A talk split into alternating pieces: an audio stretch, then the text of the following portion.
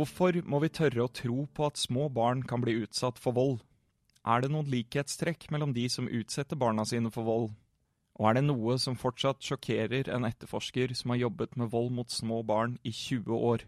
Eh, det sjokkerer meg faktisk eh, hver gang jeg får en, en sånn sak. For jeg tenker, er det mulig? Er det, er det virkelig mulig at uh, foreldre kan, kan slå skade barnet sitt på, på denne måten?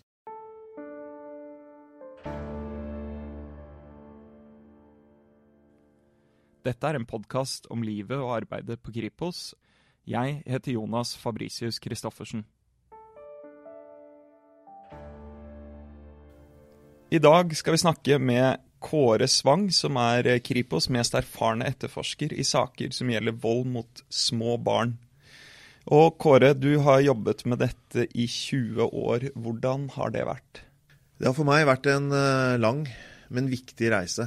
Eh, jeg har vært så heldig eh, og privilegert at jeg har fått lov til av min arbeidsgiver i Kripos å reise rundt i hele landet og jobbe med sakene. Det har vært både oppturer og nedturer. Det har vært til tider utfordrende å få Eh, politidistriktene til å skjønne hvor viktig disse sakene er. At disse sakene her er like viktige som, som grov vold og drap på voksne. For der stilles det aldri spørsmål om ressurser. Men det gjør det nesten alltid i saker som gjelder vold og overgrep eh, mot barn. Men reisen har også vist meg at eh, det er blitt bedre.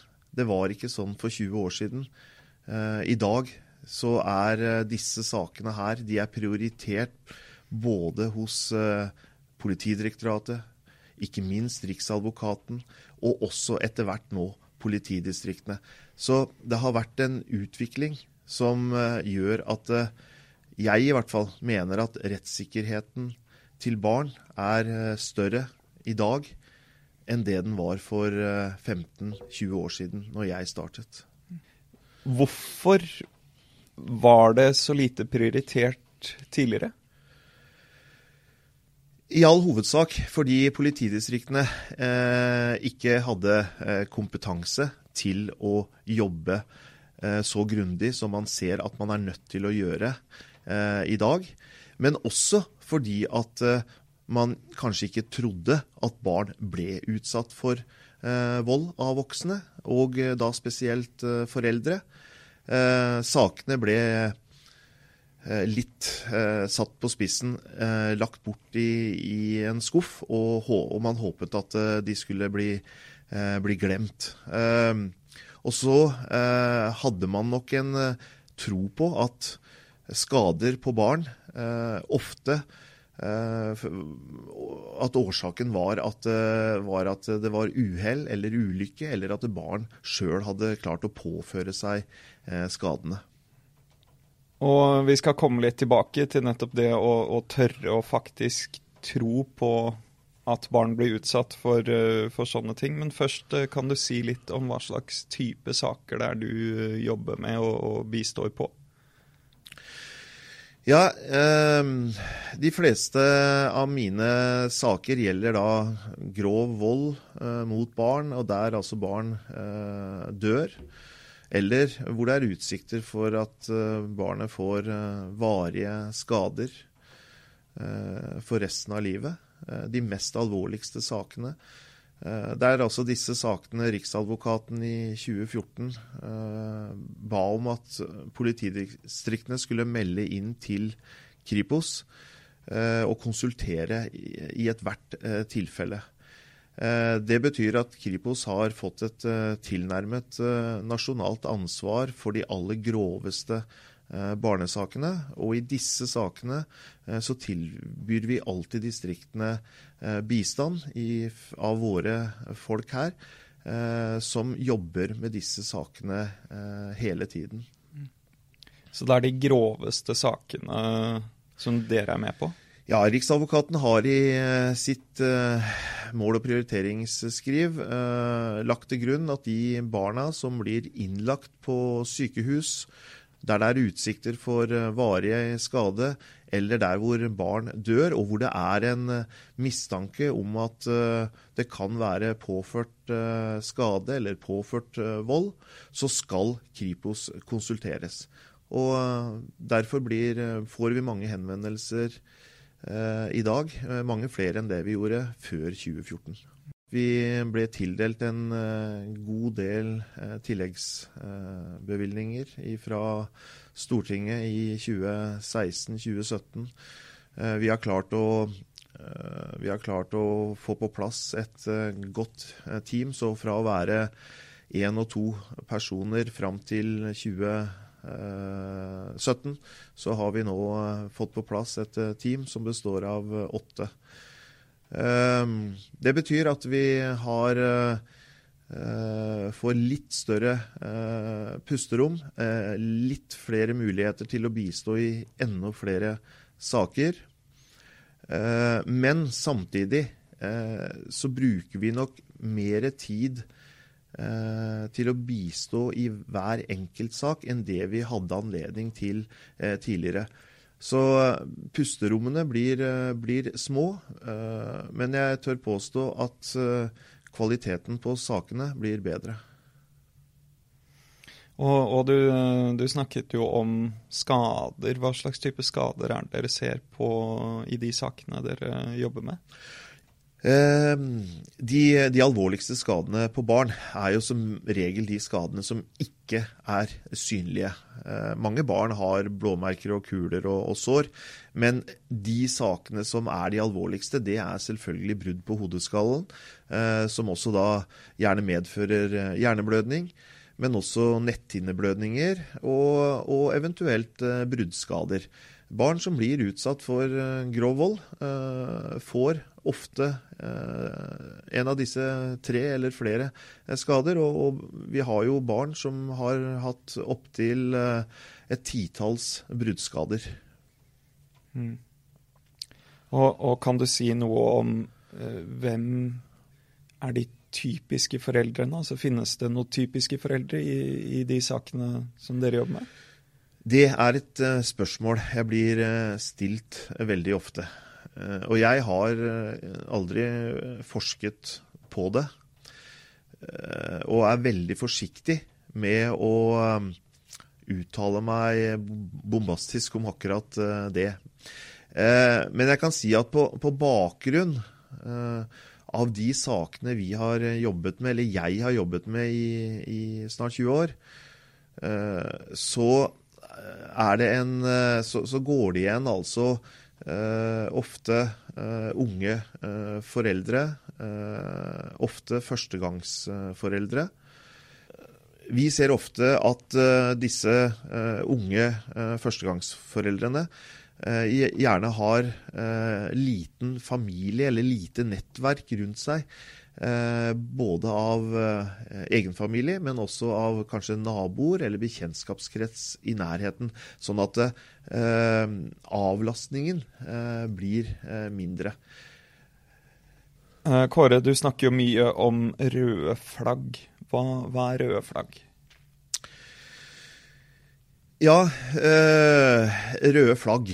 Det er altså varsler som jeg pleier å si, om at noe er galt. Røde flagg det kan være når eh, barn eh, kommer med et sår eller et blåmerke eller en kul som kanskje ikke var der dagen før. Kommer tilbake i barnehagen. og fra den ene dagen til den andre så har det blitt både et blåmerke og et sår. Eh, det er det jeg legger i, i røde flagg, blant annet. Eh, det kan også være andre ting. Det kan eh, være at barnet har skader jevnlig. Forskjellige alder. Noen, noe, noen sår har grodd, noen blåmerker har gått bort, og så kommer det jevnlig nye merker.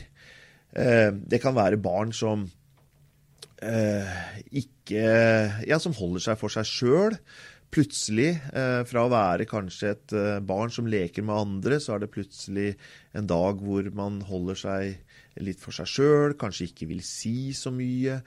Eh, det kan være i tilfeller hvor foreldrene eh, ikke kommuniserer, ønsker ikke å kommunisere.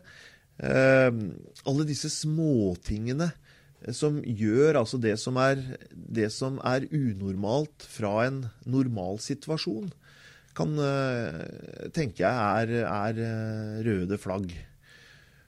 Og uh, da, det, vi, det, vi, ønsker, er at når man ser noe som er unormalt, at man blir litt nysgjerrig.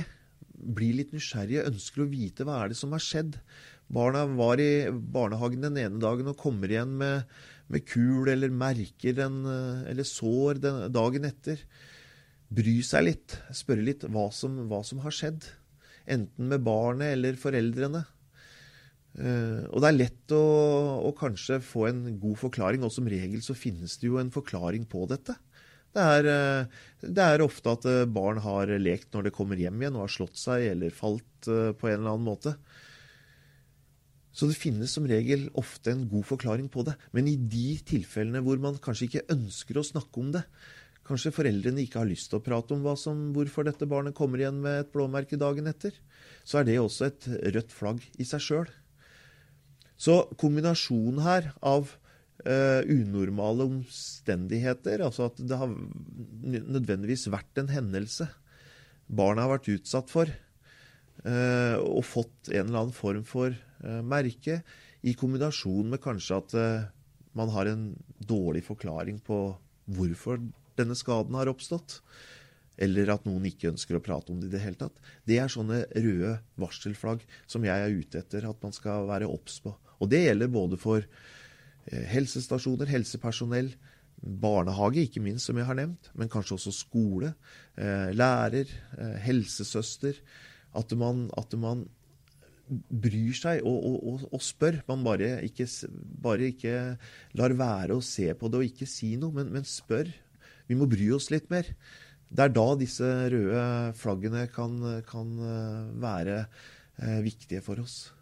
Mm. Og, og, hva skal man gjøre hvis man ser røde flagg?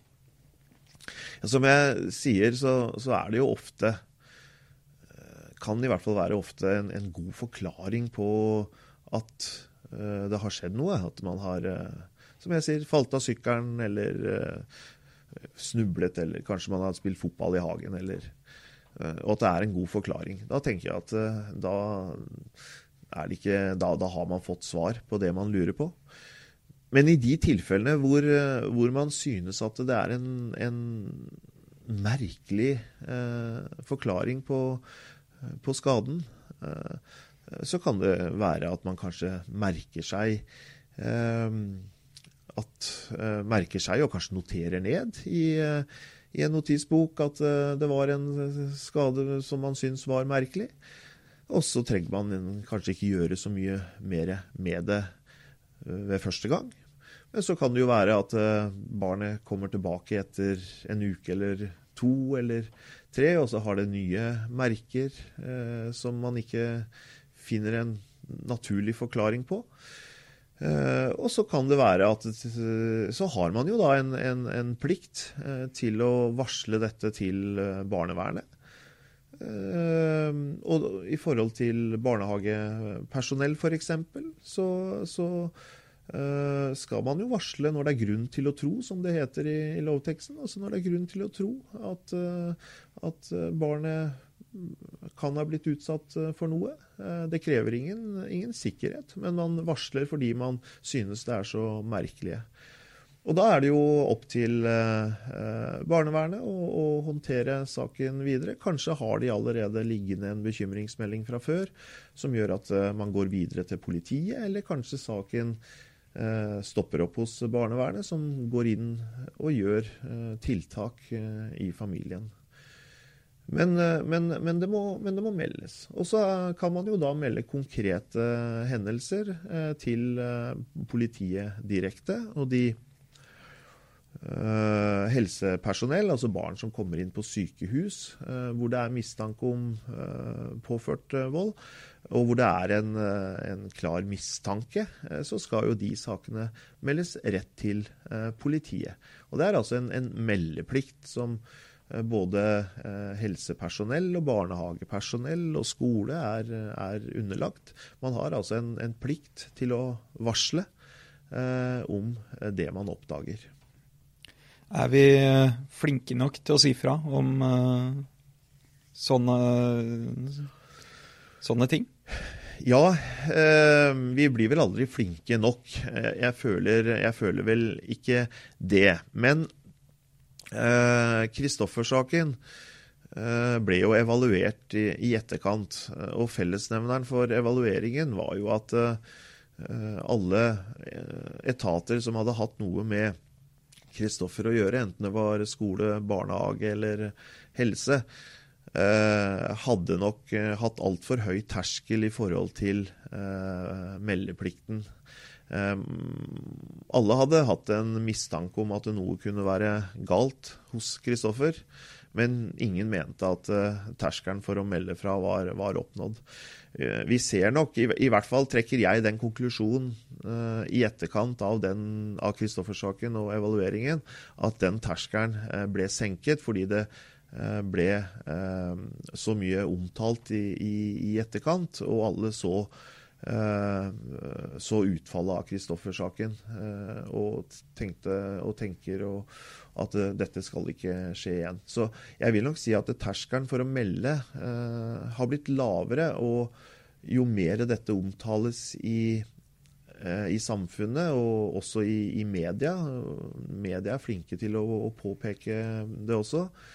Eh, så, så syns jeg vi er på rett, rett, vei. Når det er sagt, så, så, er jo noe av det som har opptatt meg gjennom eh, mine 20 år, og spesielt de siste ti årene, det er jo den eh, naiviteten som finnes i samfunnet vårt. Hvor, hvor voksne mennesker, inkludert Eh, politifolk, inkludert eh, helsearbeidere, inkludert eh, skole- og barnehagepersonell, ikke tror at barn kan bli utsatt for vold av egne foreldre, av egne omsorgspersoner. Og, og, langt mindre at noen tar livet av egne barn. Men det, vi, det får vi hvert eneste år dokumentert. Barn blir utsatt for vold av omsorgspersonene, av de som skal passe på dem. Grov vold, og barn dør hvert år som en følge og konsekvens av det. Uh, derfor har, har, jeg gjennom flere år sagt at naiviteten er vi nødt til å legge bort om vi skal komme et, et steg videre. Så på den ene siden har du altså dette med meldeplikt og varslingsplikt til barnevern og politi, som er blitt Eh, lavere, etter min mening. Men samtidig så er vi ikke i mål med å få eh, med å, med å tro at eh, voksne omsorgspersoner kan utøve vold og drap på, på barn. Og dit, dit må vi. Mm. Og Du har jo vært inne på det litt allerede, men, men hva skjer når man varsler om et rødt flagg til f.eks. barnevernet eller politiet? Ja, eh, da var det litt som eh, jeg sa tidligere, at, eh, at sakene eh, blir, eh, blir, i første rekke ofte om, om behandlet i barnevernet. Man ser jo på om eh, det er øvrige bekymringsmeldinger som tidligere er meldt. Og finner man det, så vil jo sakene ofte gå til politiet. Eh, der det er eh, mistanke om, eh, om, grov vold som er påført. Altså eh, hendelser som ikke samsvarer med det som foreldrene eh, forklarer. Ska, at skadeomfanget er mye større eh, enn det en hendelse tilsier at skadene kunne bli. så går jo sakene direkte til politiet og etterforskes, etterforskes der. Eh, I de mindre alvorlige tilfellene, hvor man kanskje ikke er så sikker eh, om hva som har skjedd, så vil det ofte være barnevernet som kanskje tar en prat med foreldrene. Eh, og, og, og går inn med tiltak i familien. Du nevnte jo at eh, foreldres forklaring på skadene kan avvike en del fra det dere ser i, i en etterforskning. Hva kan du si om sånn som selvpåførte skader eh, for små barn?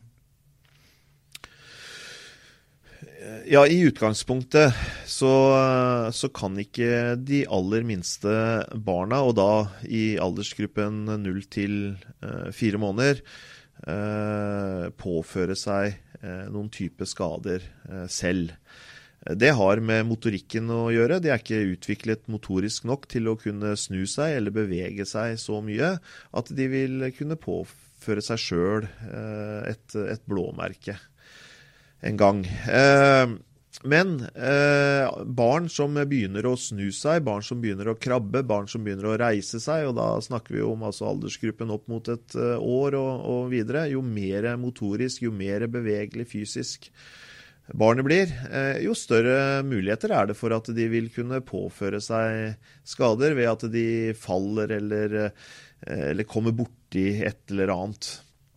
Eh, og der må vi alltid eh, ta forhåndsregler om at det, det kan ha skjedd. Eh, vi har vi, Når vi etterforsker disse sakene, så, så, bruker vi noe som heter utelukkelsesteorien. Og, og det vil altså si at eh, skader eh, som barn har eh, Vi må kunne utelukke at skadene har en relasjon til, til fødsel. At det er en medisinsk årsak til barnets skader. Eh, og at, har, at, barnet har selvpåført skade sjøl. Selv. I tillegg så må vi jo se da om, om barnet kan være utsatt for et uhell eller, eller, ulykke.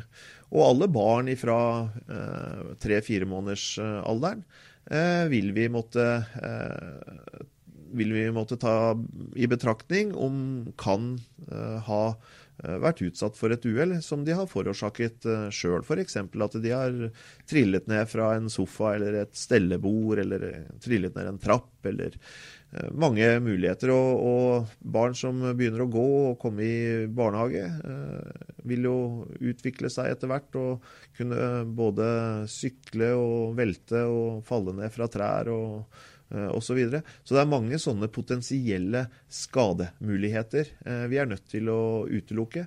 Eh, og de må vi forsøke så godt vi kan å utelukke 100% Hvordan skal vi klare å forebygge vold mot små barn? Det finnes nok ikke, finnes nok ikke noe A4-svar på det. Men eh, jeg opplever jo at uh, samfunnet er engasjert og gjør uh, mange uh, gode ting. Nå er jo regjeringen i gang med en opptrappingsplan som skal som varer vel fram til 2020. Og det blir gjort en del tiltak. I forhold til min jobb, og jeg har også vært så heldig å få lov til å spille inn tiltak i, til den opptrappingsplanen, Eh, så eh, er jeg veldig opptatt av helsesøstrene. Jeg har vært opptatt av de i, i, mange år. Og jeg sier til de eh, når jeg er ute og holder foredrag, at dere er en gruppe som kanskje er den viktigste gruppa til små barn i deres første leveår. Det handler om at helsestasjonene, helsesøster, Eh, av og til er den eneste tredjepersonen eh, som ser barnet. Foreldrene har kanskje, som vi var inne på litt tidligere, ikke et nettverk av familie eller venner rundt seg. Eh, og, og er kanskje hjemmeværende med barnet. Og helsesøster blir på en måte barnets eh, Eh, viktigste omsorgsperson eh, utover foreldrene. Eh, jeg har tatt til orde mange ganger for å si at vi må styrke helsestasjonene, helsesøstrene. Det må bli en mye bedre kommunikasjon mellom fødeavdelingene og helsestasjonene. Allerede ved utskrivelse fra, fra sykehuset så bør det være en kontakt med helsestasjonen. Det bør være enda tettere oppfølging, i hvert fall i de tilfellene hvor det er foreldre som kanskje er i en risikosone, og hvor kanskje barn er blitt født inn i en vanskelig livssituasjon.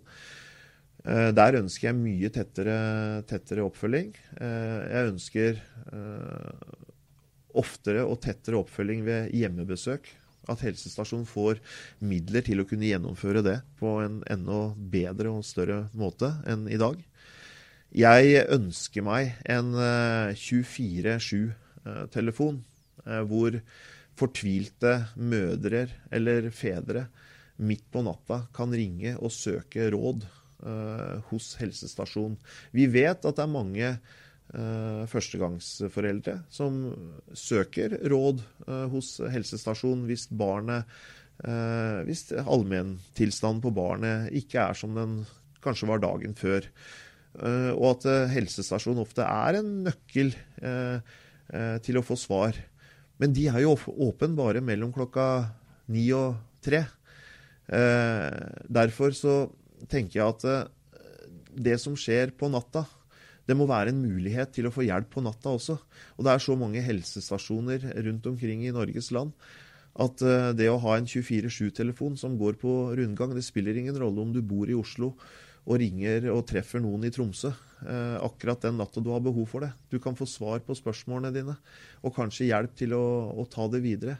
Men den fortvilte situasjonen som vi ofte hører om fra foreldrene eh, i forbindelse med at barna barn har vært utsatt for vold. Den, den fortvilte situasjonen de har vært i på natta, hvor barna har skreket og skreket og, og skreket uten å vite hvem de skal ringe til, det håper jeg vi kan gjøre noe med. Mm.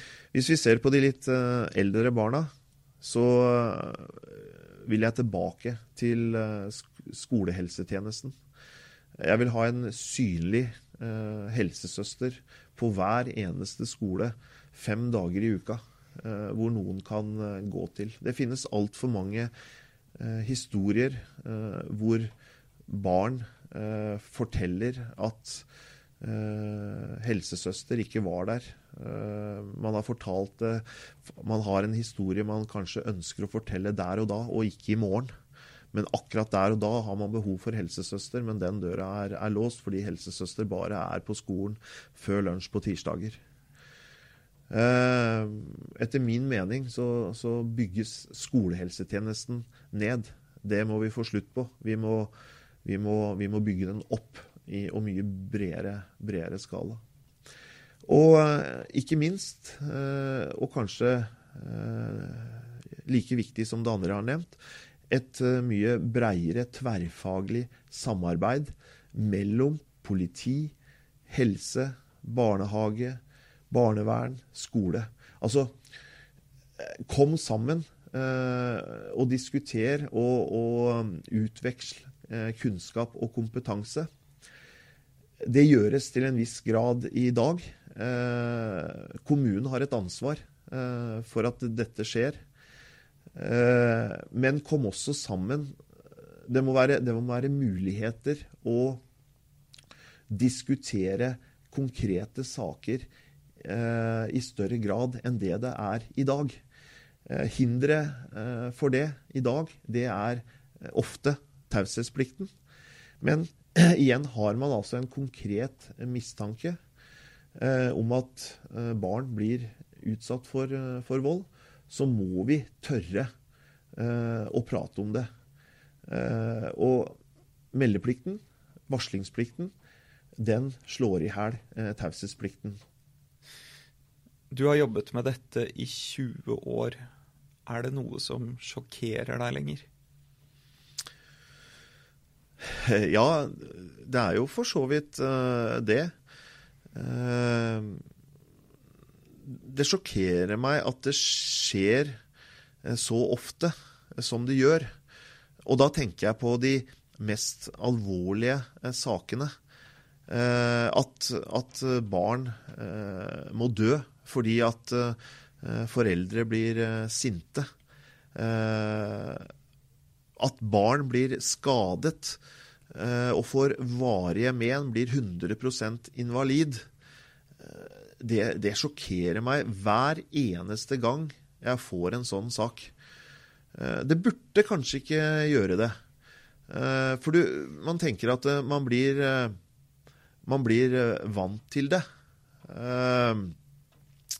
Og det, det Til en viss grad så gjør også jeg det. Men likevel så er samfunnet blitt veldig bevisst på disse sakene. Igjen tilbake til media, som skriver om de, både når saken oppstår og dommer som kommer. Så, så, så sjokkerer det meg at vi likevel ikke eh, får noen nedgang på sakene. De er der likevel. Eh, og grovheten i det, eh, det skadeomfanget barn får, ja, jo. Eh, det sjokkerer meg faktisk eh, hver gang jeg får en, en sånn en sak. For jeg tenker er det mulig?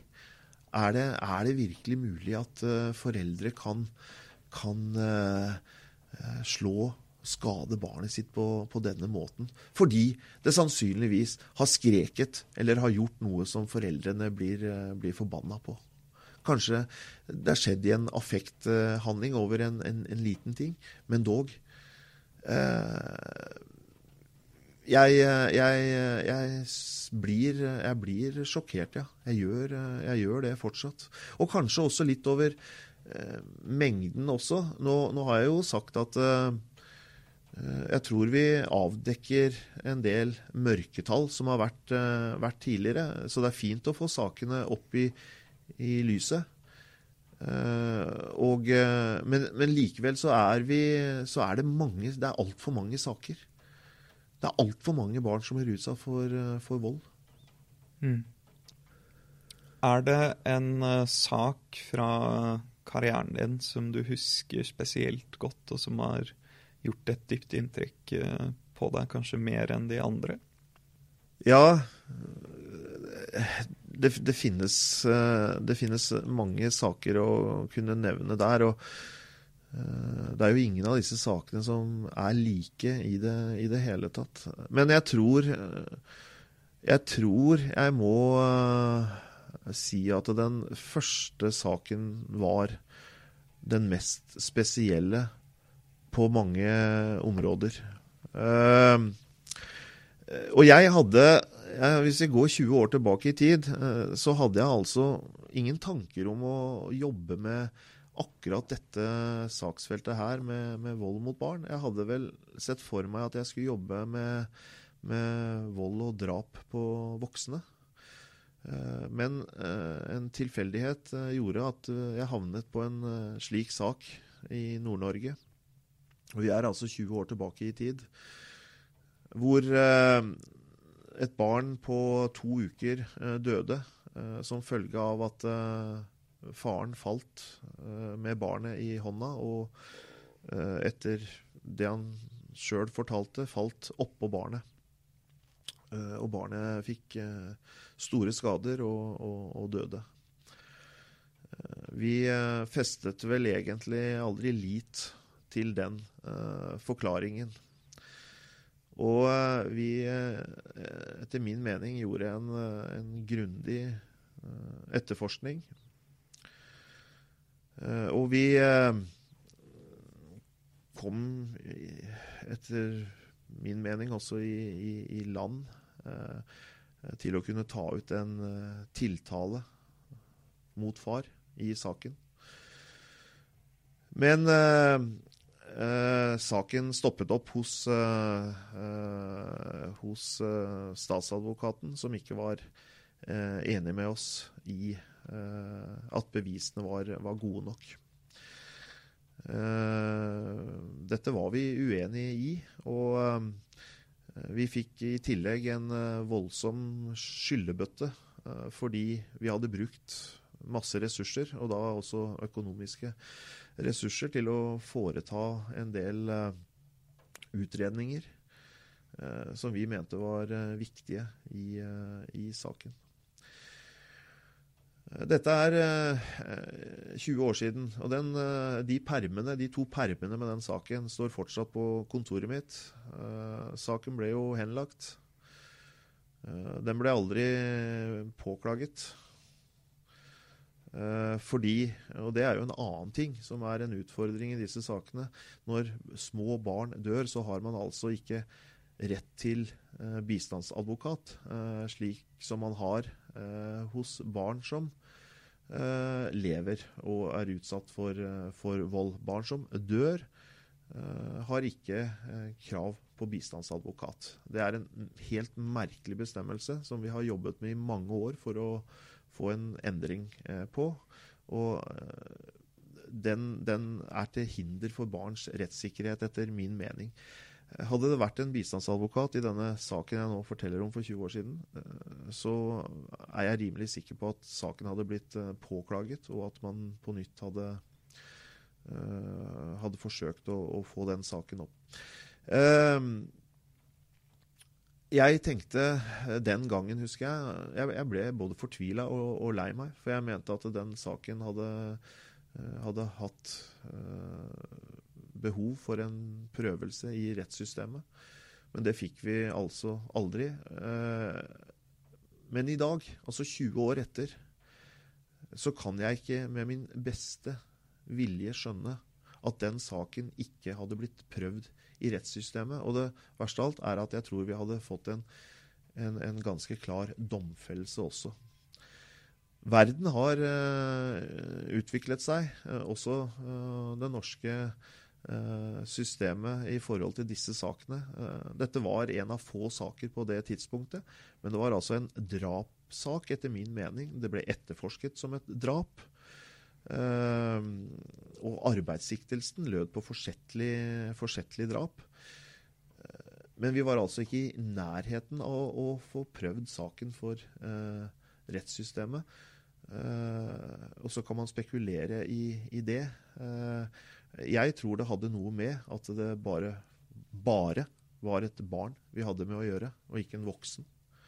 Hadde det vært en voksen person, så tror jeg dette hadde vært helt, helt annerledes.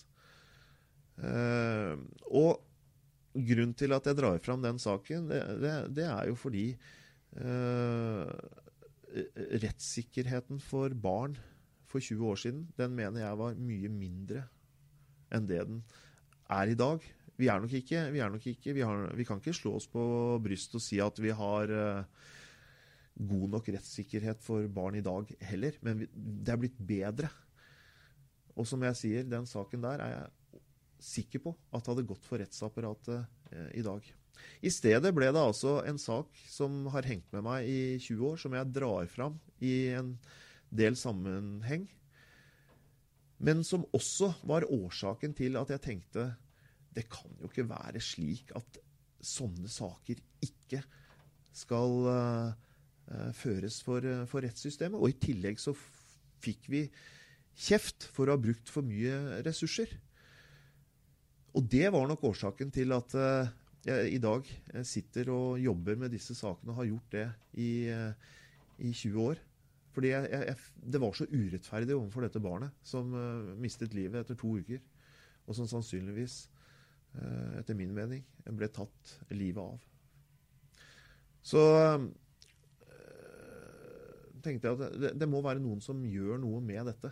Uh, og, og, derfor så fanget disse sakene meg. Og, og um, det, kom, det, kom, saker uh, de kommende årene også som, som gjorde at Riksadvokaten allerede så tidlig som i 2005 ga klare signaler om at disse sakene her skal prioriteres. Og Riksadvokaten har jo vært en, en pådriver for, eh, for barn i, i, de, i, hvert fall de siste 15 eh, årene. Eh, og som har vært et veldig løft også opp mot politiet og påtalemyndigheten om at her skal det prioriteres. Disse sakene skal Her skal alle steiner snus. Det skal være høy terskel for å henlegge en sånn sak. Og, eh, Og eh, vi har jo også fått eh, Politidirektoratet med på, på det samme eh, de siste ti årene. Og, og, i dag så, så prioriteres sakene altså veldig, veldig mye annerledes enn det det da gjorde for, for 20 år siden. Og, og mitt eksempel fra Nord-Norge. Og med den historien så tror jeg vi eh, avslutter. Tusen takk for at du tok deg tid til dette, Kåre. Takk for det. Takk for at jeg fikk komme.